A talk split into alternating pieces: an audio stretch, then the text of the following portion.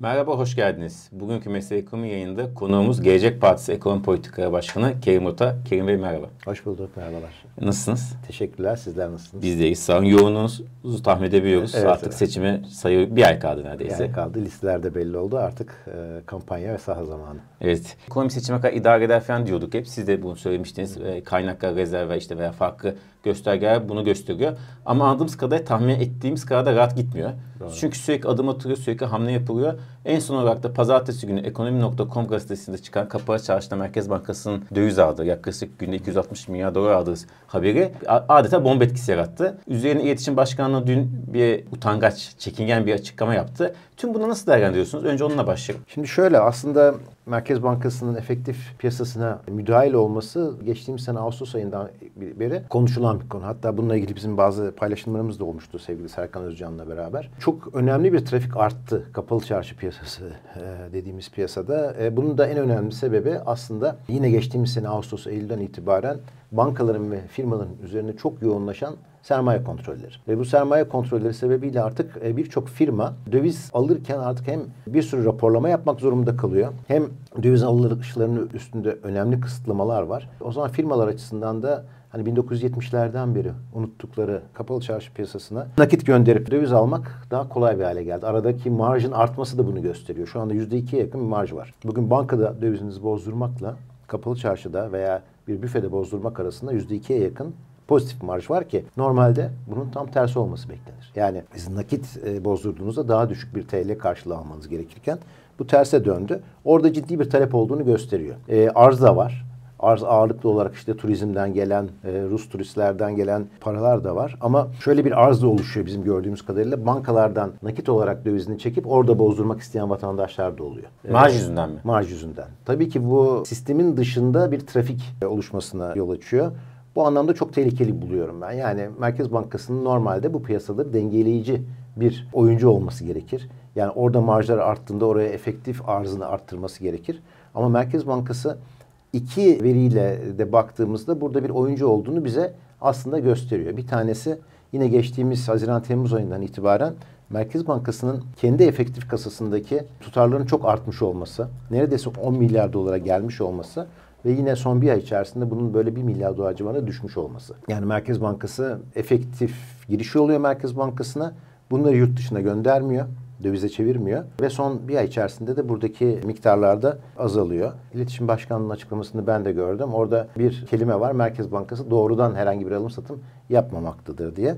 E, doğrudan lafının aslında oradaki amacı gizlemek için kullanıldığını düşünüyorum. Tabii ki bir Merkez Bankası kendi yetkililerini gönderip kapalı çarşıdan işlem yapmaz.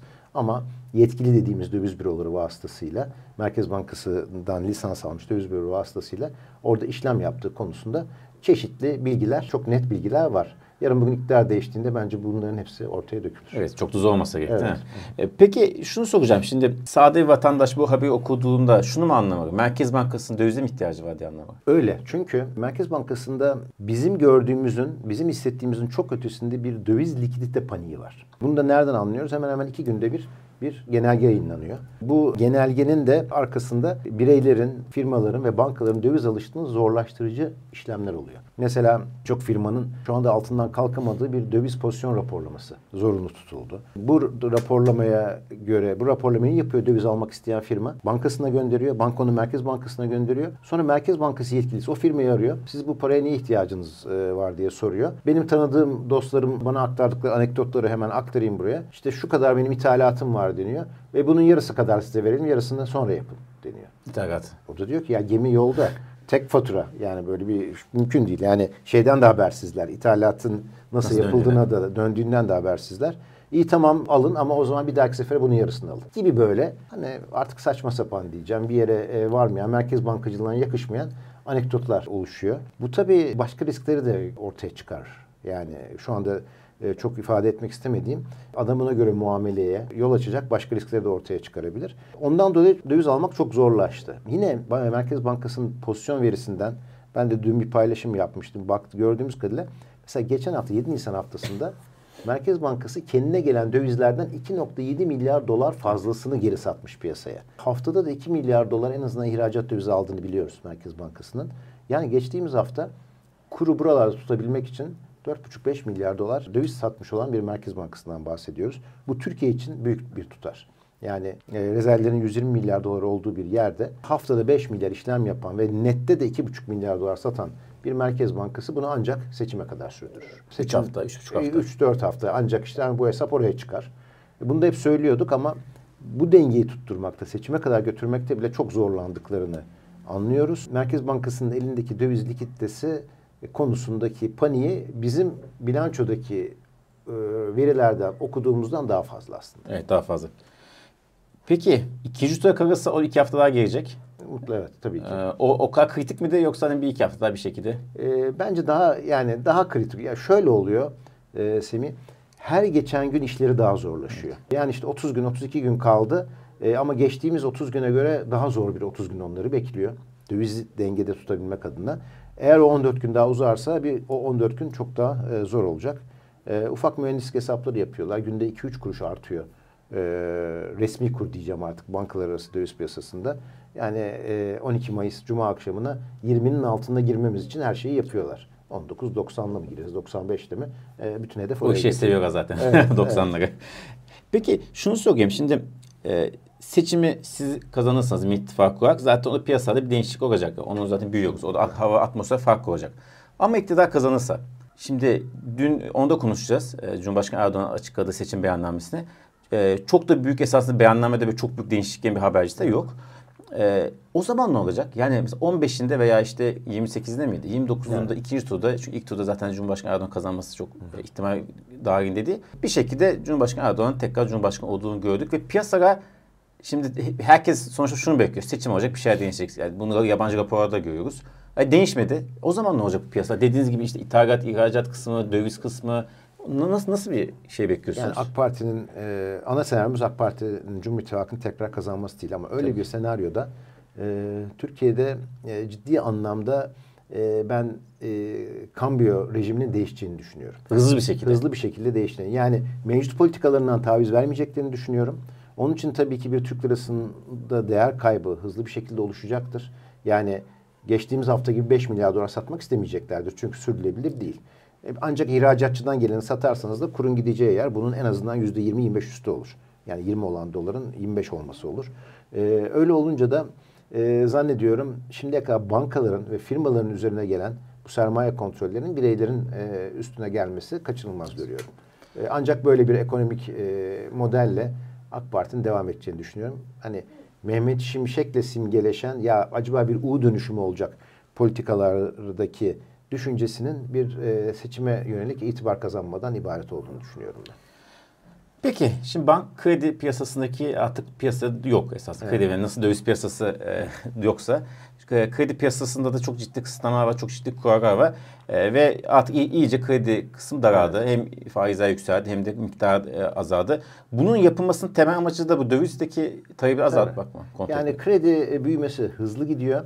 Ee, şöyle bir tecrübe de edindiler. Yani biraz tabir e, maruz görün kafa göz yararak Berat Albayrak'tan beri şu tecrübeyi edindiler. Ne kadar çok kredi verirsiniz o kadar dövize talep yaratırsınız. Çünkü sizin faiz seviyeniz doğru değil. Çünkü sizin enflasyon faiz ilişki kafanızdaki ilişki de doğru değil.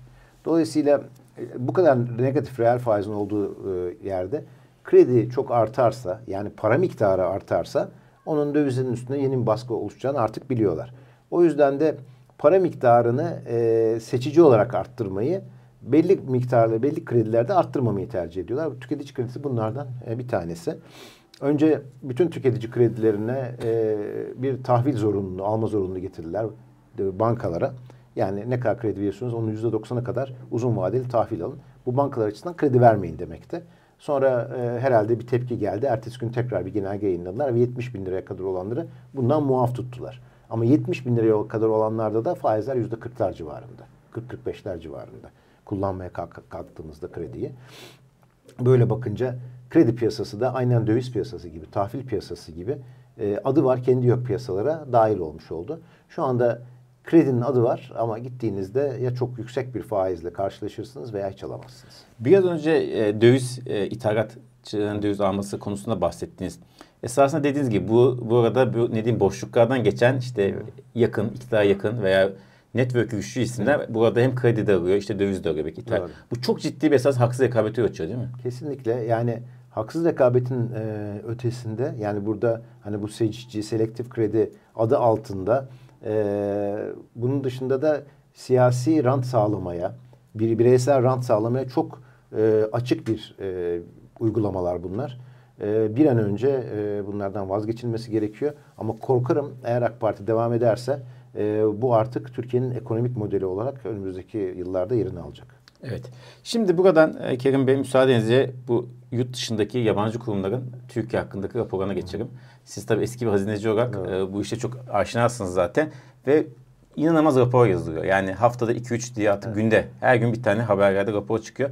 Siz geçmişte bu kadar şahit oldunuz mu? Belki hani ilk 2002-2003 seçimlerinde de belki bu kadardı. Var mıydı? E şöyle aslında e, Türkiye e, biraz gelişen ülke piyasalarının yıldızı olduğu dönemler olmuştu.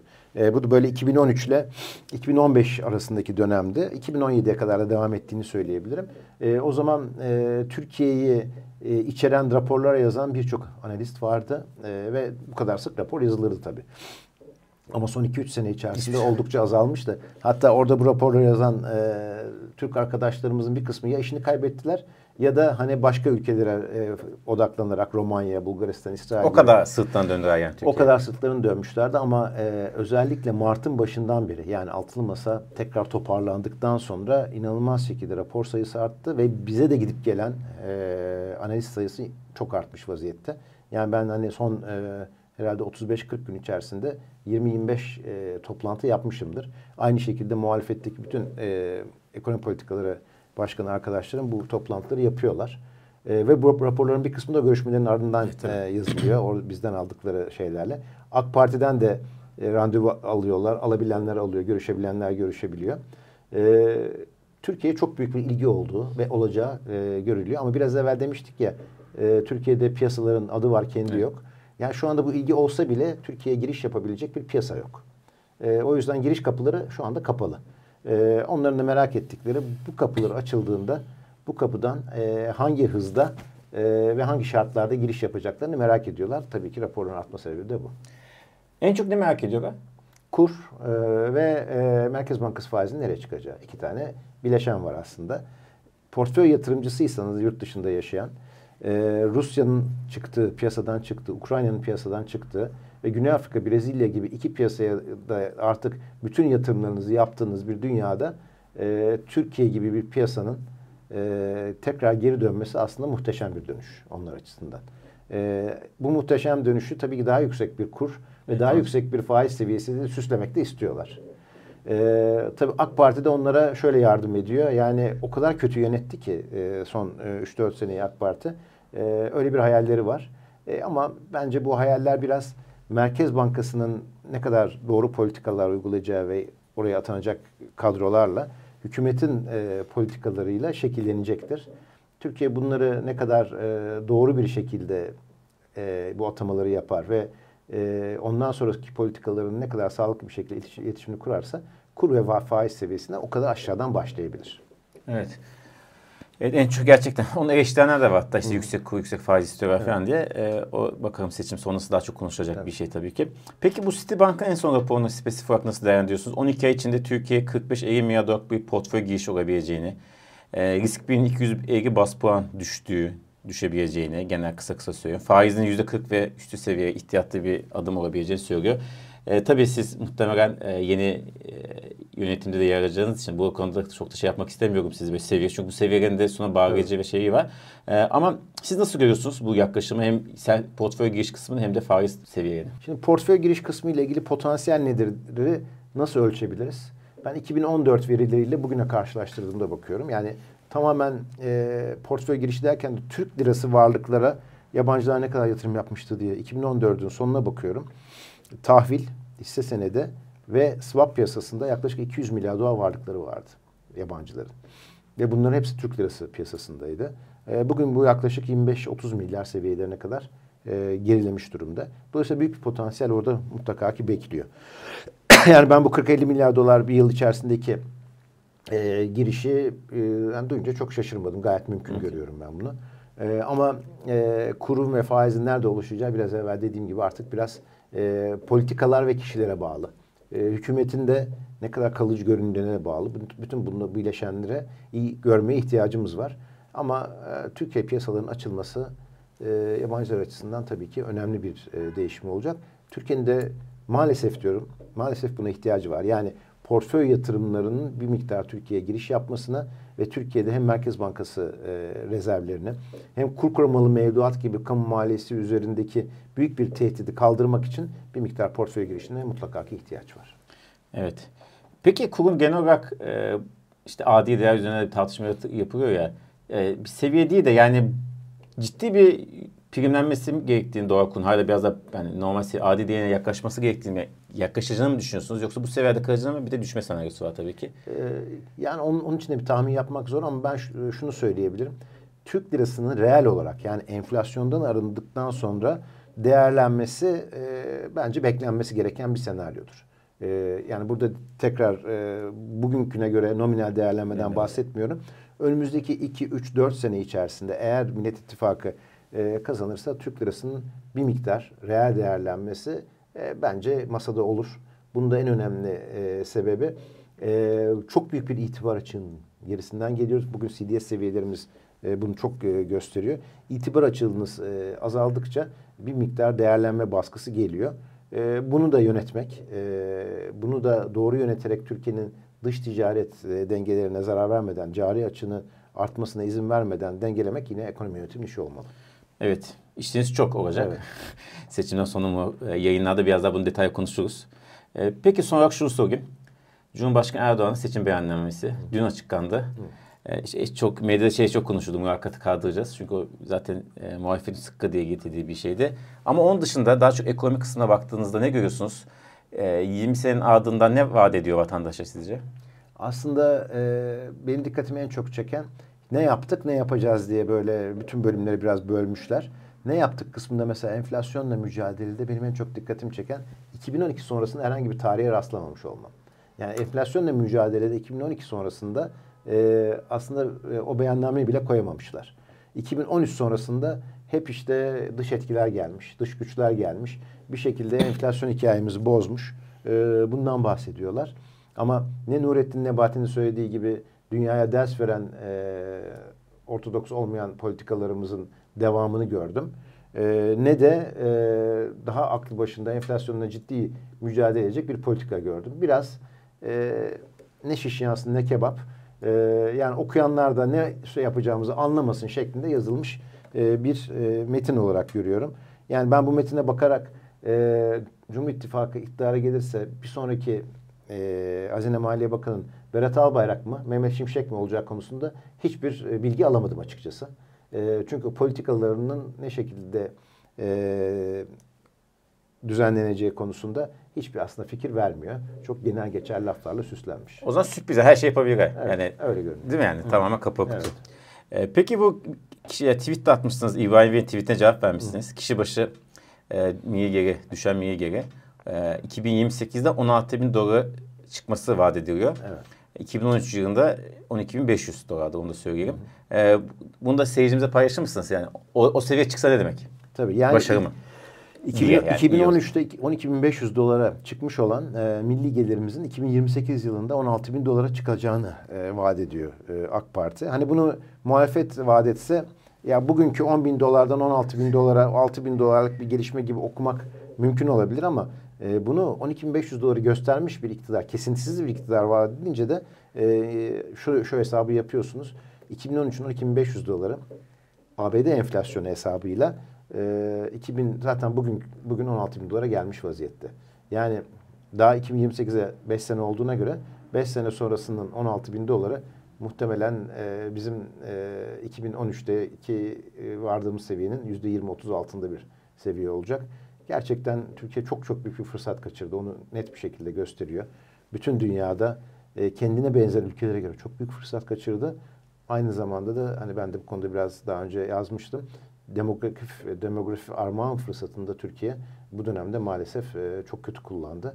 E, şu önümüzdeki 5-6 senede artık e, bunu terse çevirmek için e, az bir zamanımız var. Yani bu 5-6 senede ter, yani kaçırdığımız fırsatı yakalayabildiğimiz kadar yakalaması için çok son bir zaman değil mi? Öyle yani Neden? demografik fırsat dediğim yani Türkiye'de çalışan nüfusun çok genç olma dönemi hemen ben 1980 ile 2030 arasındaki 50 yıllık dönem olarak adlandırılıyordu. Ee, biz maalesef bunun e, son 10 senesini çok kötü e, değerlendirdik. Yani 2013-2023 arasındaki kısmı. 2030'a kadar olan kısmı biraz iyi değerlendirebilirsek en azından e, Türkiye'de sanayisinin, teknolojinin bir yere ta- taşınabilirse e, buradan çıkma şansımız olur. Aksi takdirde bence Cumhur İttifakı ile AK Parti ile bu beş seneyi daha geçirirsek e, Türkiye maalesef e, tam da hedefledikleri gibi e, Avrupa'ya ve bütün dünyaya e, çok ucuz iş gücü sağlayan bir yer olmaktan öteye gidemez. Çok teşekkür ederiz Kerim Bey. Çok sağ olun. Ee, herhalde seçimden önce vaktiniz olsa bir yayın daha yaparız. Mutlaka. Daha bir ay var çünkü. E, vakitte yoğun temponuza çok teşekkür Ben ederiz. teşekkür. Ee, daha güzel günlerde yanı yapmak umuduyla.